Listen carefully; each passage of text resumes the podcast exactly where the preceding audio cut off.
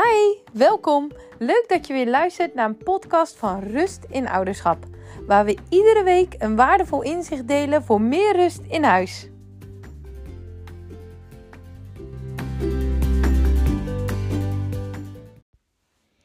In deze podcast wil ik het graag met jullie eens hebben over overgangsmomenten. Want een dag kent een heleboel overgangsmomenten. Hele grote overgangsmomenten, van school naar huis, naar de sport. Maar ook kleine overgangsmomenten, zoals stoppen met spelen of onder de douche gaan. En als ze onder die douche zijn, er ook weer onder vandaan komen. En vaak zien we op het moment dat jouw kind moeite heeft met overgangsmomenten, dat hij, hij of zij daarin heel veel brutaal gedrag laat zien of niet luistert. En jij als ouder daar een heleboel inzet op pleegt om die overgangsmomenten soepeler te laten verlopen. En misschien zet je wel beloningssystemen in. Of straf je wel op het moment dat ze niet direct luisteren. Hè? Dus als de tv niet uitgaat, dat ze de dag daarna die nog niet mogen kijken. Of op het moment dat ze niet komen douchen omdat ze ehm, nog met een vriendje buiten aan het spelen zijn. Dat je ze misschien beloont. Hè? Van iedere keer als jij direct onder de douche gaat, krijg je een sticker. En wat je dan doet, is dat je met het zichtbare gedrag aan de slag bent. Hè? Dus je bent iedere keer tips aan het toepassen waarmee je kind op dat moment luistert om zo'n overgangsmoment door te gaan. En dat betekent dat jij als ouder iedere keer dat zo'n moment eraan komt, heel veel energie kwijt bent en dat ook telkens opnieuw moet gaan toepassen, zodat jouw kind op zo'n moment luistert. Terwijl eigenlijk op het moment dat jouw kind moeite heeft met die overgangsmomenten, met luisteren en dat ook gaan doen en dat misschien wel uitloopt op een heleboel frustratie voor zowel jou als je kind, wat je dan eigenlijk wilt is die vaardigheid trainen die daaronder zit. Namelijk het omgaan met overgangsmomenten. En juist doordat je die vaardigheid gaat trainen, van als zo'n overgangsmoment eraan komt, op welke manier doe je dat nu? Zorg je ervoor dat het op al die momenten beter gaat. En hoef je dus niet die korte tips van straffen of belonen op het moment dat ze niet luisteren in zo'n overgangsmoment, telkens opnieuw toe te passen. Want één, ze kosten vaak veel energie, zo'n tip. En je moet ze continu volhouden om je kind op die moment te laten luisteren. Nou, en ik wil je alvast een aantal tips meegeven hoe je zo'n overgangsmoment eh, soepeler kunt laten verlopen. En hoe je ervoor kunt zorgen dat je werkt aan die vaardigheid, zodat het op al die momenten iets beter gaat. Nou, tip 1 is bespreek de dag met je kind voor. Want wanneer je kind last heeft van overgangen, zal het je kind helpen om alvast de grote overgangen van de dag te kennen. Dus welke activiteiten staan er op de planning, wanneer, waar, hoe en met wie bijvoorbeeld. En daarin kun je het zo specifiek maken als jouw kind het nodig heeft. En vertel dat dan bijvoorbeeld de avond ervoor of in de ochtend. En sommige kinderen kan het ook helpen om het visueel te maken met een dag of een weekschema. En juist om te kijken wat heeft jouw kind nodig, is dat die avond ervoor of kan dat juist in de ochtend? Is het prima op het moment dat je alleen zegt: hè, we hebben school en daarna sport? Of hoort daar ook bij wie brengt ze? ja, doe dat even een beetje afstemmen met je kind en een beetje aanvoelen en soms ook een beetje testen.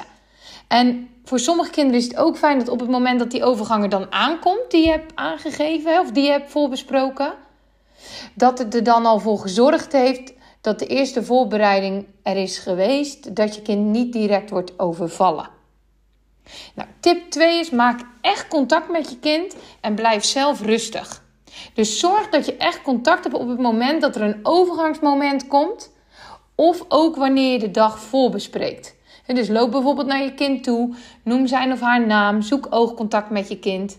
En zorg ook dat je kind contact heeft met jou.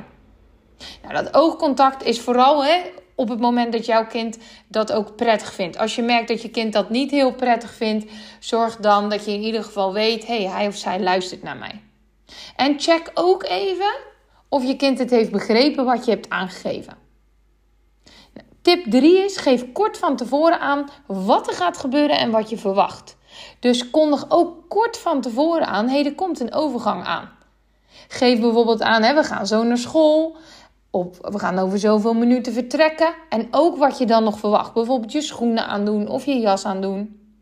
En dat kun je aanwijzen op de klok. Maar als je kind nog geen klok kan kijken, dan kun je dat uh, bijvoorbeeld eventjes aangeven op de klok. Als die bij de 6 is, of als die bij de 8 is, of als mama klaar is met de tanden poetsen. En realiseer wel bij dat jonge kinderen nog geen tijdsbesef hebben. Dus op het moment dat je zegt 5 minuten, dat ze dan nog niet aanvoelen hoe lang dat is zoals wij dat al kunnen. En let er ook op dat je bij jonge kinderen één opdracht tegelijk geeft aan je kind. En schat van tevoren even in, hoeveel tijd is er nou nodig om die opdracht ook te voltooien.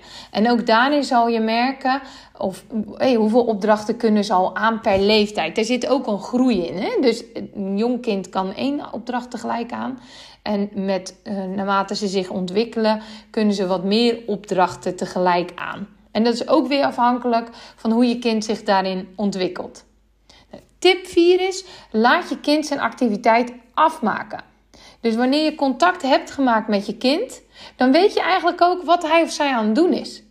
En laat je kind dan zoveel mogelijk de activiteit afmaken voordat hij een overgangsmoment in moet gaan. En spreek ook met je kind af dat hij dag mag afronden voordat het volgende moment eraan komt. Dus ik zie dat je deze kleurplaat aan het maken bent. Je mag nog even het hoofd aftekenen, of het been, of de zon. En als dat klaar is, dan mag je je schoenen aan gaan doen om naar school te gaan. En je hoort daarin al, als de activiteit bijvoorbeeld de hele kleurplaat te groot is, spreek dan alleen af welk deel mag er nog. En spreek ook op dat moment al direct af wanneer mag het dan verder gaan. Dus als je uit school komt, mag je de rest van de kleurplaat afmaken. Tip 5 en direct de laatste is geef een startinstructie. Dus geef daarna ook actief aan, hey, er is een overgangsmoment, zodat je kind in actie komt. En wees daarin zelf ook proactief. Dus op het moment even het voorbeeld van de tekening.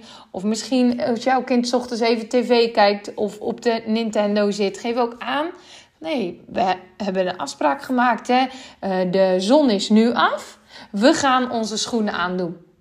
En dat je dan ook bijvoorbeeld de schoenen haalt van je kind. Hè? Of zelf ook je schoenen aan gaat doen. Deze vijf tips zijn korte en krachtige tips. En op het moment dat je die goed gaat toepassen, dan zul je al merken dat er meer rust komt in die overgangsmomenten. En tegelijk is het ook een vaardigheid die kinderen moeten ontwikkelen met de jaren. Dus daarin is het belangrijk om te weten: wat kan mijn kind al wel? En waarin heeft mijn kind mij nog nodig? Hoeveel opdrachten kan ik tegelijk geven? Of hoeveel contact moet ik hebben? En op het moment dat deze tips al gaan werken en je ze soepel uh, in de praktijk kunt toepassen en je verbetering ziet, hartstikke goed.